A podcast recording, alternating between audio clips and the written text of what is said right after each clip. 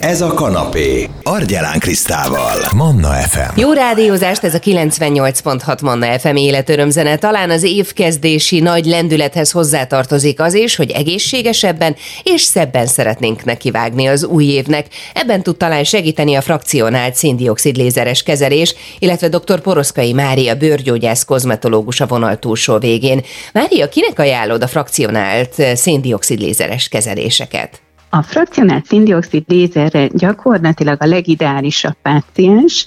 A, az a páciens, akinek egy picit a pigmentációs rendellenességei már előjöttek, a bőre tónusán, a feszességén szeretne javítani, a bőr fiatalításnak ez egy rendkívül természetes módja, ahol gyakorlatilag a bőr felső rétegét, ahogy lehámlasztjuk, a pigmentációs rendellenességeket tudjuk javítani, a fagyómirigy termelést tudjuk javítani, a neokollagenezist tudjuk aktiválni, ezáltal a bőrt tudjuk feszesíteni, tónusosabbá tenni, és gyakorlatilag meg tudjuk fiatalítani. Hogyan zajlik egy ilyen kezelés? Mi a folyamata? Nyilván nem ez a világ legkellemesebb beavatkozása, úgyhogy fájdalomcsillapító krémet szoktunk javasolni, azt szoktam a pácienseimnek mondani, hogy attól még, hogy körbesétálom őket, vagy megsimogatom a buksiukat, a, a bőrük nem fog javulni, úgyhogy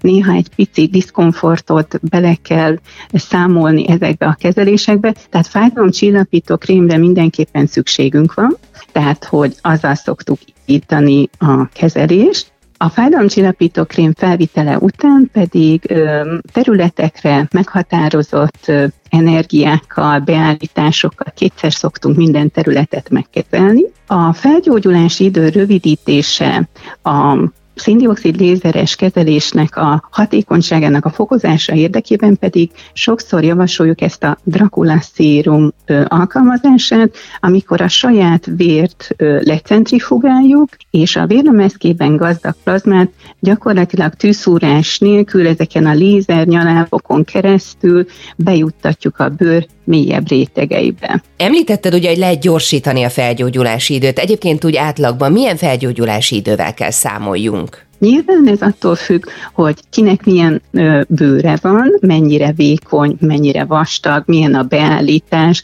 tehát hogy mi a cél, amivel, amit szeretnénk elérni, ö, hiszen ez a frakcionált szindioxid lézeres kezelés például a hekkezelésnek a leges-leges módja, Nyilván itt egy picit mélyebb rétegbe fogok menni, itt a felgyógyulási idő akár egy hét, még akár 8-9 nap is lehet, de amikor például csak a bőrt fiatalítom vagy megújítom, akkor egy picit felületesebben is nagyon-nagyon szép eredményeket tudok elérni. Itt a felgyógyulási idő akár ezzel a Dracula szérum alkalmazásával olyan 5 nap lehet maximum egy hét. Milyen utógondozást, ápolást igényel utána a bőrünk? Mennyire fontos és mennyire kell odafigyelni a fényvédelemre? Az egyik legfontosabb, hogy a kezelés után a bőrünk nagyon érzékeny lesz, ezért a fényvédelem szigorúan, szigorúan be kell tartani minden fényvédelemre vonatkozó szabályt, 6 hétig minimum,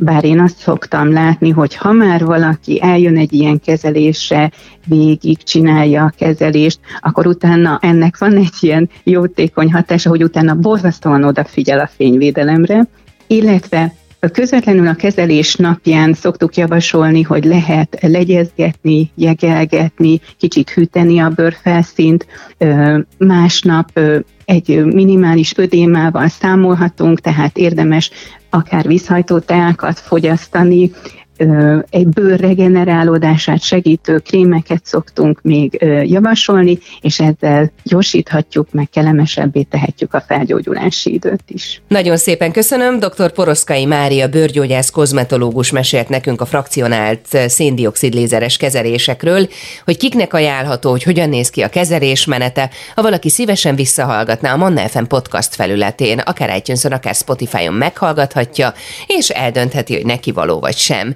Ez a fajta szépítő eljárás. Ha valakinek van kérdése, 0677 6 szóljon hozzá a Manna FM műsorához. Kellemes rádióhallgatást, ez a 98.6 Manna FM életörömzene, amiben Murányi Edina, a gyermek és felnőtt ESP traumapszichológus kríziskezelő tréner, a Sármin Side alapítója a vonal túlsó végén, és még így az év első hónapjában abszolút beszélhetünk arról, hogy 2024 legnagyobb feladatai közé mi tartozik. Mi az, hogy sorsváltás? Mi az, hogy ez lenne a legnagyobb feladatunk ebben az évben, Edina? Elérkeztünk egy olyan pontra, amikor már egyrészt nem tudunk hátrafele tekingetni, hogy vajon mi történt a múltban, és aggódni azon, hogy vajon mit rontottunk el, vagy mit hibáztunk, vagy mit kellett volna másképp. Másrészt azt gondolom, hogy minden ember érzi már azt a presszúrát saját magában és a saját környezetében is, hogy már egyszerűen itt valamit változtatni kell, és a legtöbb ember egyébként azt gondolja, hogy a közvetlen munkahelyén, vagy a párkapcsolatában, vagy az egészségi állapotán valahogy itt kell keresgélni, de nem, mert magában a sorsunkban kell keresni a megoldást, legalábbis ott érdemes, hogy mik azok a, az események, mik azok a helyzetek, amiben meg tudom változtatni a saját sorsomat. Hogyan tudjuk ezt megvalósítani? A legfontosabb, hogy hogy használjuk az intuíciónkat. Ez az első, ami a legfontosabb lépés, hogy hallgassunk végre a saját belső iránytünkre. Értem ez alatt például azt, hogy ha úgy érzem, hogy szükségem van segítségre, most már eljött az ideje annak, hogy egyedül nem tudok rávilágítani egy-egy helyzetre, akkor igenis keresek fel egy szakembert. A második, hogy attól függetlenül, hogy fogja valaki a, a kezünket, nagyon-nagyon fontos, és ugye végigvisz egy folyamaton, egy mély önismereti folyamaton, szerencsésebb esetben, akkor még mindig nagyon-nagyon fontos tényező az, hogy a legmélyebb belső hangunkat kövessük, és az a baj, hogy a mai kor embere borzasztóan túlagyal mindent. Tehát mindig gondolkozásra, és most itt a negatív értelmű túlagyalásra gondolok, nem arra, hogy persze szükségünk van racionális gondolkodásra, és a mindennapokban ez elengedhetetlen, nem erről beszélek, hanem amikor túl gondolok, túl agyalok valamit, hogy ezt elhagyva, minél többször elhagyva, a, egy nagyon szép kifejezés van erre, a természetes intelligenciánkat használjuk, és engedjük, hogy bekapcsoljon a, az intuíciónk, a belső hangunk, és engedjük, hogy a súgó az mondja nekünk, hogy mi a helyes út, és azt szerint igyekezzünk dönteni, amikor nagyon fontos, vagy akár kevésbé fontos, de hát minden fontos, ugye, döntéshelyzetekbe kerülünk, hogy jó érzéssel tölt el, és akkor csinálom, belemegyek, vagy kevésbé jó érzéssel tölt el, és akkor nem csinálom, nem megyek bele, mert igazából ez a titka az intuíciónak, ez az életnek a titka, hogy érzem, jó érzéssel tölt el, csinálom, kevésbé, akkor nem csinálom.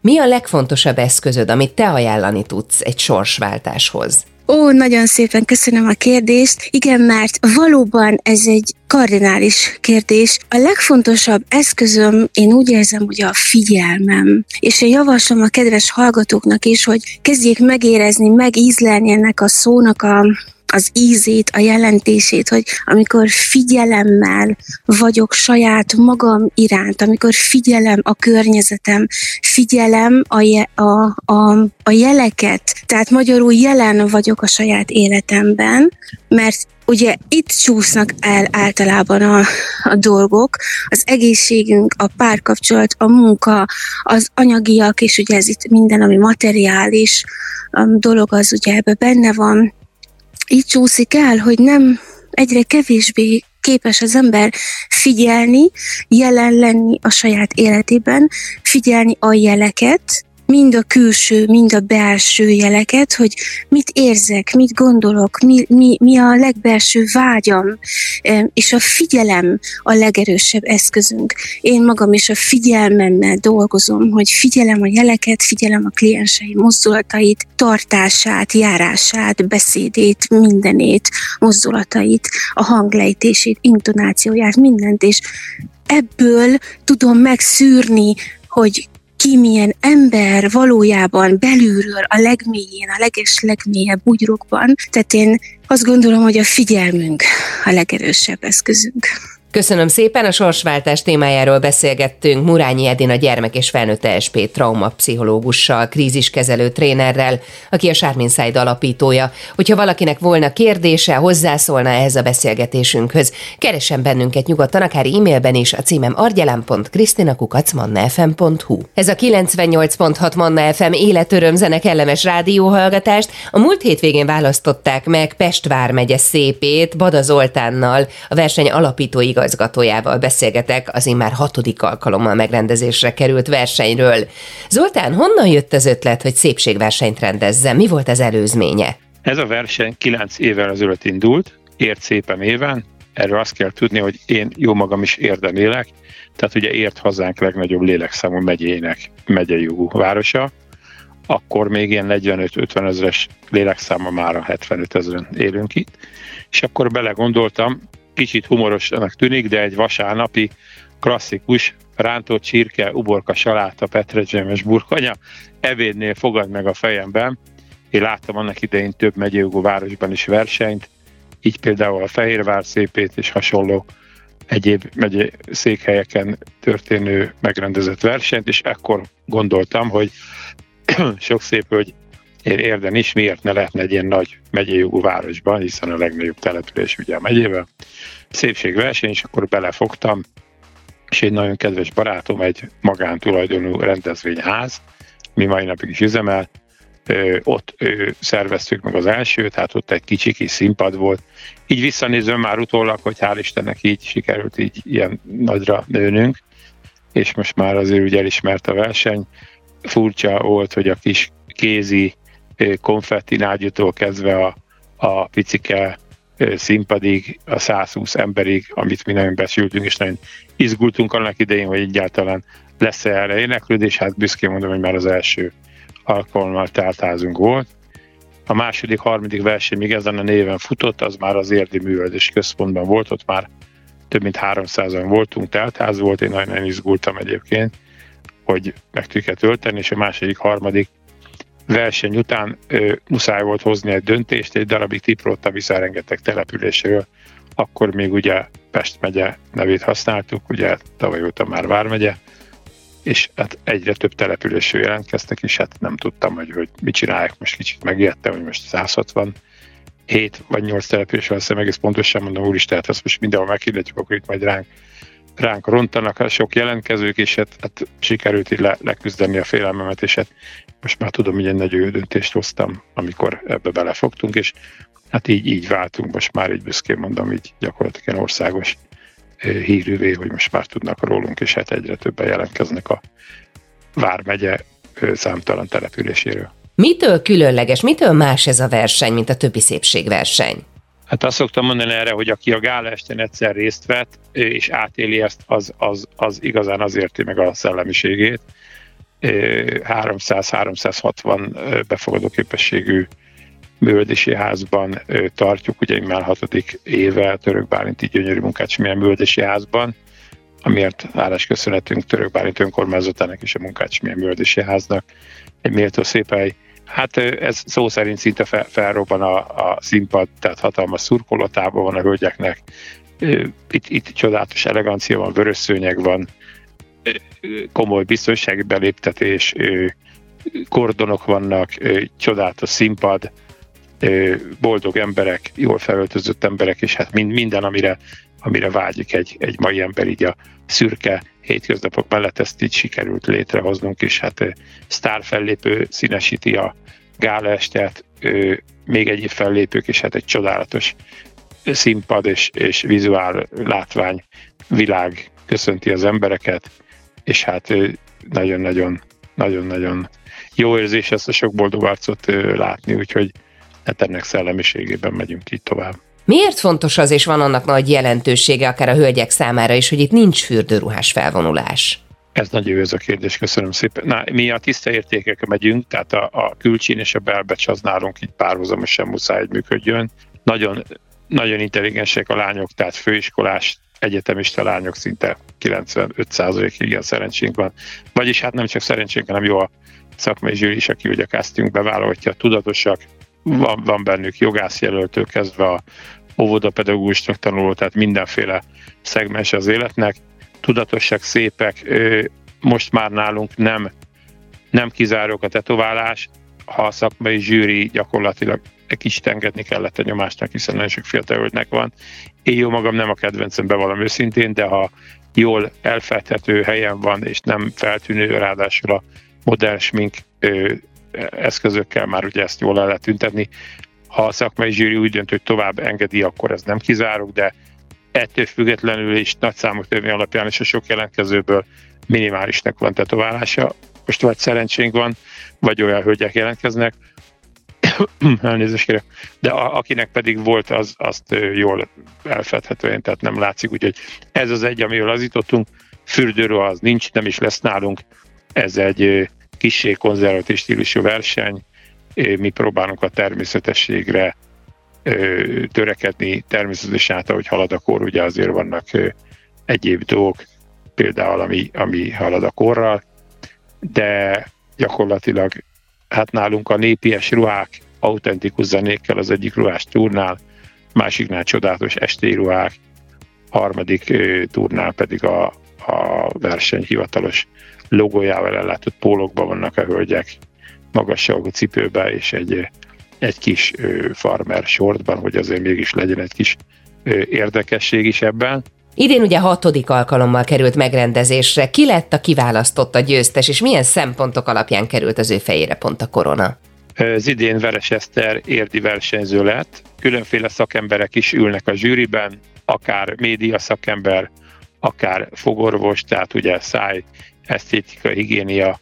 Most legújabb ö, csatlakozónk például ugye Tavjóta Erkárpáti Péter, ugye, aki színész egyébként, és ő nagyon sok mindent látott, hiszen az ő lánya is annak idején ugye szépségkirálynő volt, tehát hogy érdekli Pétert ez a téma, ő is azért így szakmai szemmel tudja nézni, és különféle ö, hozzáértő emberek, tehát 12 tagú a hivatalos zsűrink, és a 12 tagú zsűrinek 1-től 5-ig lehet értékelni a, a lányokat, ugye a külső megjelenés, ugye a kisugárzás, tehát és az össz, összkép, ugye ez egy szubjektív a szépség, viszont a szubjektív megítélésből lesz egy objektív döntés, hiszen komoly ügyvédi jogi háttér mellett személyesen ott van az ügyvéd ura a verseny zavartalan tisztasága miatt, tehát ugye jegyzőkönyvben van a szavazólap aláírva mindenki hiteles és és a zsűritagok előtt kerül összesítésre, és így a, a legtöbb és a legértetőbb, legjobban átlátható adási módszere pontszámok összesítése után